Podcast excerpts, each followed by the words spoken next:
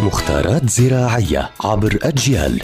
نتعرف في كل حلقة على سر من أسرار عالم الزراعة وفلاحة الأرض مع المهندس الزراعي مجدي عبد الله. يعطيكم ألف عافية. أهلا بكل متابعي ومتابعات أجيال عبر منصاتها المختلفة. رح نحكي اليوم عن موضوع يخص نباتات الزينة المنزلية وهو موضوع التسميد والضوء. بمعنى أنا عندي نبات كيف أسمده؟ وشو العناصر الضرورية لإله؟ وكيف طريقة التسميد وأيضا شو الضوء اللازم له. نيجي لموضوع التسميد.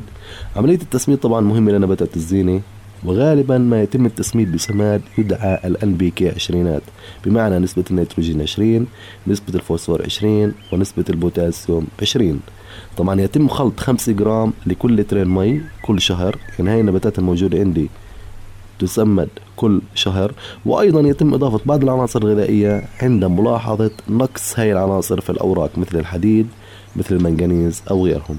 بالنسبة لموضوع الضوء نباتات الزينة المنزلية تفضل الضوء غير المباشر اللي هو جنب الشباك أي الضوء المفلتر لأنه معظم نباتات الزينة بحاجة للضوء هي كائن حي بحاجة للضوء بحاجة للتسميد بحاجة لري.